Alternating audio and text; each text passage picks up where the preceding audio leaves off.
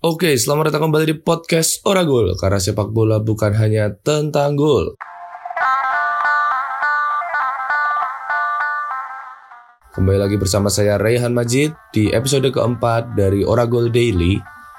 Uh, Kali ini uh, aku akan membacakan hasil-hasil terbaru dari Piala Dunia 2022 di Qatar Yang kemarin sampai tadi malam berlangsung. Banyak kejutan banyak yang tidak mengejutkan juga tapi apa pun itu kita akan coba bahas. Uh, line up-nya ada Maroko versus Kroasia di pertandingan pertama yang sore-sore itu.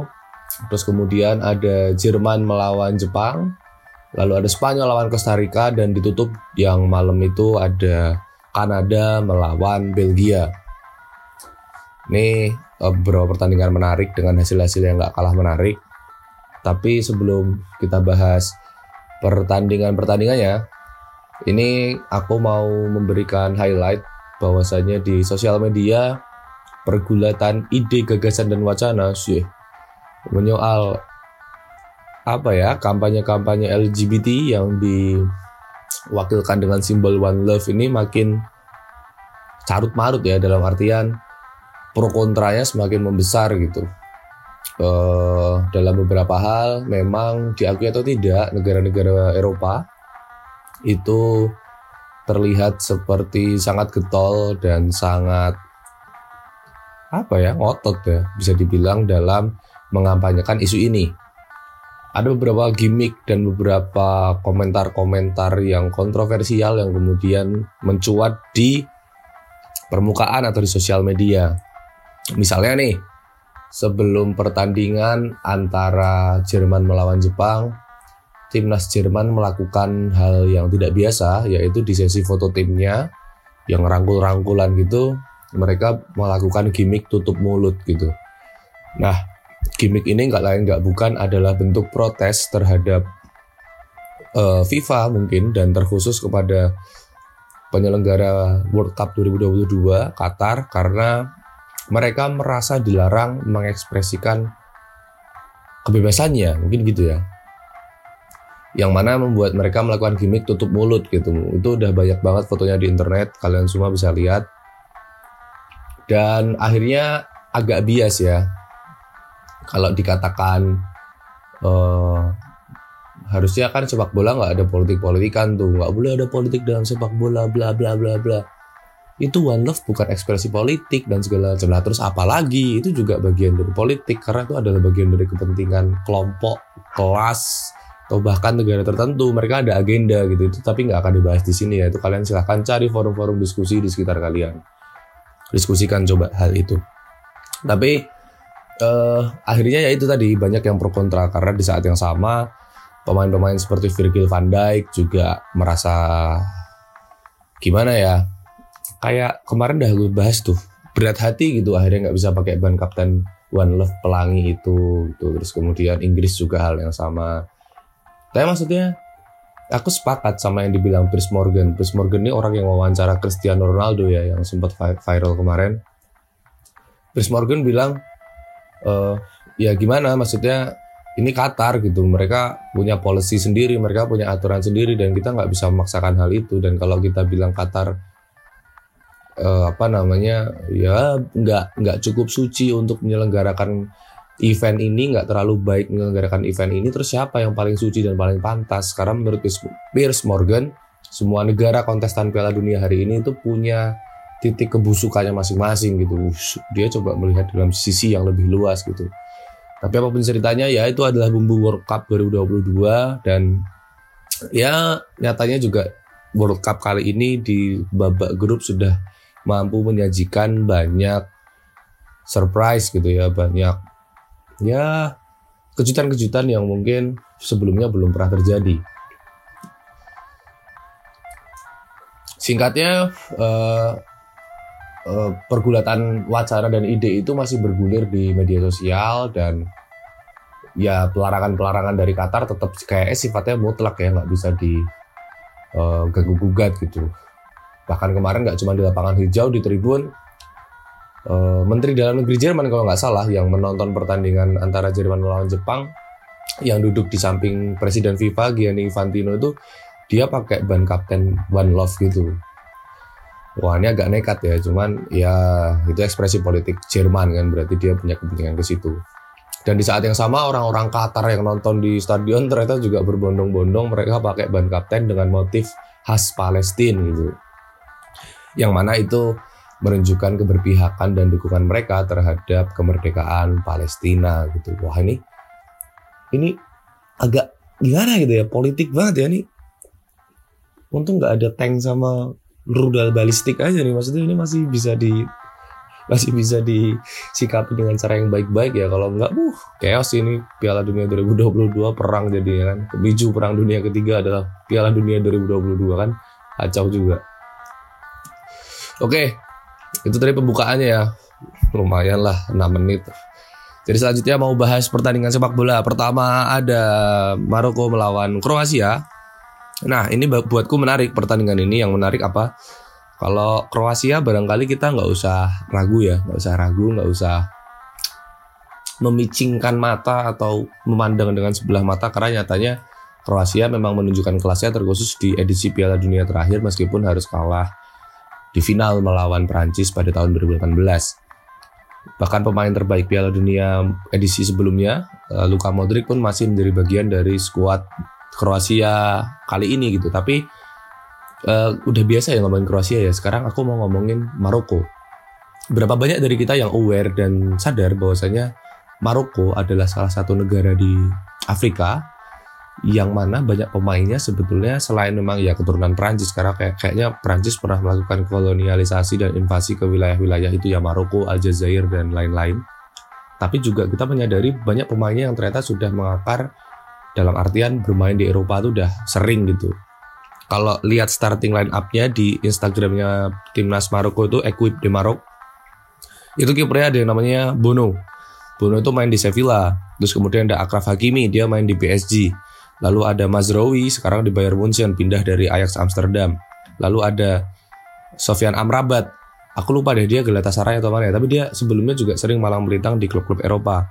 Lalu ada Roman Saiz yang beberapa musim lalu main di Wolverhampton. Lalu ada Hakim Ziyech yang sempat menolak dipanggil ke timnas tapi sekarang balik lagi dan dia seperti kita tahu menjadi bagian emas dari skuad Ajax di 2018 ya kalau nggak salah atau 2019 dan sekarang main di Chelsea. Terus kemudian ada Boufal, Boufal ini di West Ham kalau nggak salah dan ada Yusuf Nesri yang sekarang main di Sevilla. Nah, ini menunjukkan bahwasanya secara materi Maroko punya materi yang nggak bisa dipandang remeh dan kita patut memberikan perhatian terhadap perjalanan timnas Maroko gitu. Secara pertandingan, pertandingan ini berhasil uh, diakhiri dengan imbang ya kosong-kosong kedua tim saling jual beli serangan, tapi nggak ada satupun yang membuahkan gol. Tapi ya udah itu kosong-kosong udah nggak nggak ada yang gimana-gimana sebetulnya. Cuman ya aku mau meng-highlight dari sisi pemainnya gitu pemain Maroko ini. Kalau kita coba Google satu-satu namanya itu rata-rata punya experience main di Eropa. Dan itu modal bagus buat timnas Maroko paling tidak lolos fase, fase grup gitu ya. Kita patut melihat perjalanannya. Nah oke okay, kedua ada pertandingan dari Jerman melawan Jepang. Wah, ini adalah dua negara mantan sahabat ya di Perang Dunia Kedua di blok Aksis bersama Italia. Tapi kita nggak mau bahas itu karena itu adalah sejarah kelam bagi dunia dan mungkin aib bagi kedua negara tersebut. Dan pertandingan antara Jepang melawan Jerman itu berhasil dimenangkan oleh Jepang dengan skor 2-1. Hasil yang mungkin menge mengejutkan untuk beberapa orang, tapi jujur buatku itu nggak terlalu mengejutkan. Kemarin waktu Saudi Arabia berhasil ngalahin Argentina, itu Saud Situmorang itu tahu satu Saud Situmorang kan cari aja Instagramnya itu Saud Situmorang siapa dia dia bikin postingan uh, story di Twitter intinya dia bilang decolonize your mind gitu. Tolong pikiran kita tuh di dekolonisasi gitu. Jangan mentalnya inferior negara jajahan gitu. Jadi kalau ngelihat negara-negara Asia itu mengalahkan negara Amerika Latin atau Eropa kita terbelalak. Itu padahal biasa aja gitu. Karena sepak bola itu telah berubah coy. Angin perubahan itu kayak sedang berembus ke Asia. Karena sepak bola bukan hanya sekedar Eropa lagi. Dan kalau kita melihat sepak bola Eropa hari ini pemain-pemain Asia itu udah banyak yang mentas di Eropa Indonesia aja yang belum mungkin belum aja ya. Jadi intinya nggak ada yang nggak mungkin gitu. Dan di negaranya masing-masing Jepang Korea Selatan bahkan Arab Saudi mungkin ya perkembangan sepak bolanya udah luar biasa. Tim-tim mereka langganan main di uh, eh, AFC Champions League itu ya ASEAN Champions League. Lalu kemudian uh, mereka juga beberapa kali memberikan perlawanan di Piala Dunia antar klub itu membuktikan mereka punya kualitas untuk ke arah situ. Bahkan di skuad Jepang yang berangkat ke Qatar kali ini itu cuma empat pemain Jepang yang belum pernah mentas di Eropa. Sisanya yang ada di skuad itu udah pernah mencicipi benua biru. Kompetisi benua biru itu luar biasa. Maksudnya hmm, progresivitas dari timnas Jepang ini bisa kita lihat gitu. Dan kalau kemarin pada nonton Jepang lawan Jerman perhatikan deh pemain-pemain Jepang ini larinya kenceng-kenceng coy. Larinya kenceng-kenceng mainnya ngotot-ngotot dan mereka pintar membuka ruang gitu membuat pemain Jerman kalah satu dua langkah gitu dan cukup klinis di depan gawang meskipun aku melihat ya Jepang bisa nyekor satu atau dua gol lagi gitu. Nah, untuk Jerman aku nggak tahu kenapa ya timnas ini disebut Spiltak Indo adalah timnas yang kebanyakan gimmick gitu. Entah tutup mulut lah Rudiger yang larinya ditinggi-tinggiin kakinya lah atau apalah aku nggak tahu fokus dari timnas Jerman ini seperti apa gitu tapi aku harap ya apa pun ceritanya aku juga cukup ngefans sama timnas Jerman gitu dan ya, aku nggak tahu harus ngomong apa buat timnas Jerman tapi yang jelas di pertandingan kemarin mereka benar-benar teroutplay sama Jepang dan mungkin mereka nggak akan memprediksi Jepang akan sebegitu kerennya. Bahkan dua gol yang dicetak timnas Jepang yaitu oleh Ritsu Doan dan Asano itu adalah dua pemain yang sekarang mainnya di Bundesliga. Doan main di Freiburg dan Asano main di uh, Bochum. Wah itu kan membuktikan Bundesliga itu jadi salah satu sarang berkembang biaknya talenta-talenta Asia di Eropa gitu dan sekarang negara-negara Eropa mulai merasakan dampaknya gitu. Orang-orang atau pemain-pemain yang dibibit, yang dibesarkan di negaranya, di liganya sekarang sudah bisa mengalahkan timnas ya itu luar biasa. Timnas Jepang, congrats, semoga bisa melaju jauh di Piala Dunia 2022. Tetap memberikan surprise. Nah, kemudian ada pertandingan antara Espanya, Spanyol melawan Costa Rica. Wah ini gimana ya ngomongnya ya? Maksudnya uh, ini enggak ini hasil yang yang luar biasa, impresif dan dominatif dari dari dari Spanyol gitu ya. 7-0. 7-0 melawan Costa Rica, negara yang kalau nggak salah di edisi Piala Dunia sebelumnya itu jadi kuda hitam gitu. Mereka mampu menjuarai grupnya, membuat Inggris dan Italia nggak lolos kalau nggak salah. Ya, itulah. Dan 7-0, 7 kali gawang Keylor Navas dibobol sama timnas Spanyol yang meskipun aromanya sangat aroma Catalunya sekali ya dari mulai jajaran pelatih sampai pemain-pemainnya. Tapi apa pun itu ya inilah timnas Spanyol gitu. Mereka terkhusus Enrique disorot menjadi salah satu pemain yang cukup idealis karena dipandang hanya memanggil pemain-pemain yang sesuai kesukaannya aja gitu. Ya tapi ya menurutku ya fair-fair aja kalau memang pemain-pemain ini dianggap mampu mengembangkan permainan yang diharapkan oleh Enrique ya nggak masalah dan 7-0 adalah hasil yang mungkin mencerminkan itu penguasaan bola di atas 80% passing yang terpaut 400 sampai 500 passing dari Costa Rica. Kemudian eksplorasi ruang yang luar biasa. Terus aku bisa melihat Tiki Taka di sana yang dieksplorasi dengan cara-cara pressing yang baru. Keren sih maksudnya itu uh, Luis Enrique dengan Spanyolnya. Dan mungkin semua orang sekarang sedang mengalihkan pandangannya kepada Pablo Gavi, seorang anak muda yang menjadi pencetak gol termuda untuk timnas Spanyol, mengalahkan rekor yang sebelumnya dipegang oleh Raul Gonzalez. Sementara di Piala Dunia, Gavi hanya kalah dari Pele yang mencetak gol di usia 17 tahun di final Piala Dunia 1905 sekian, lupa. Itu ya. Gol dicetak oleh Dani Olmo, lalu ada Asensio, dua gol dari Ferran Torres, satu gol dari Gavi, satu gol dari Carlos Soler dan ditutup dari gol Alvaro Morata.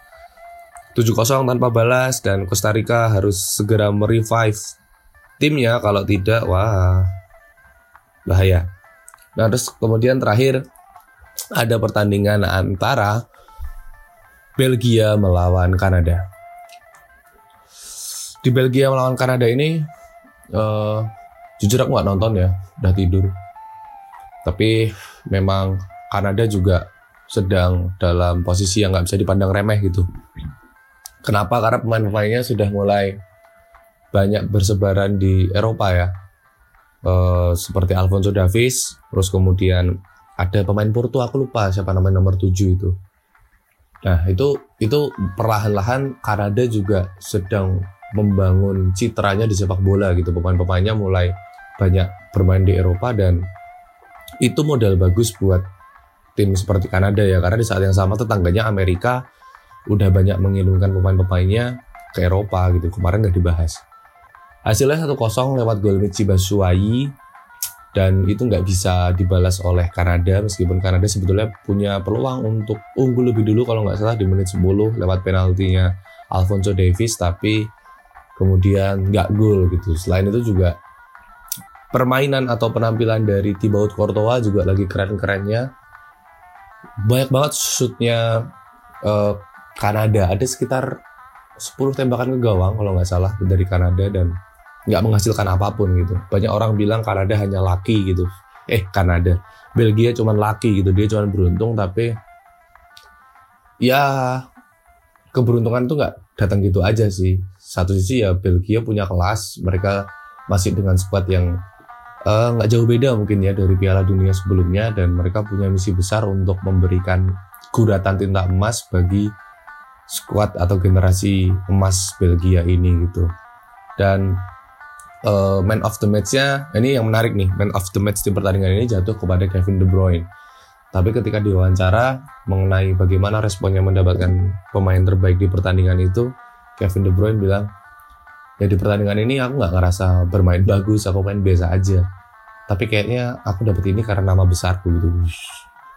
Itu ya coy ya? Maksudnya De Bruyne aja bingung gitu kenapa dia dapat uh, man of the match gitu dan dia bilang ya kayaknya karena nama besarnya tapi uh, kalau aku pribadi man of the match di pertandingan itu kayaknya lebih layak dikasih ke Thibaut Courtois yang sukses mengawal gawangnya clean sheet sampai akhir pertandingan.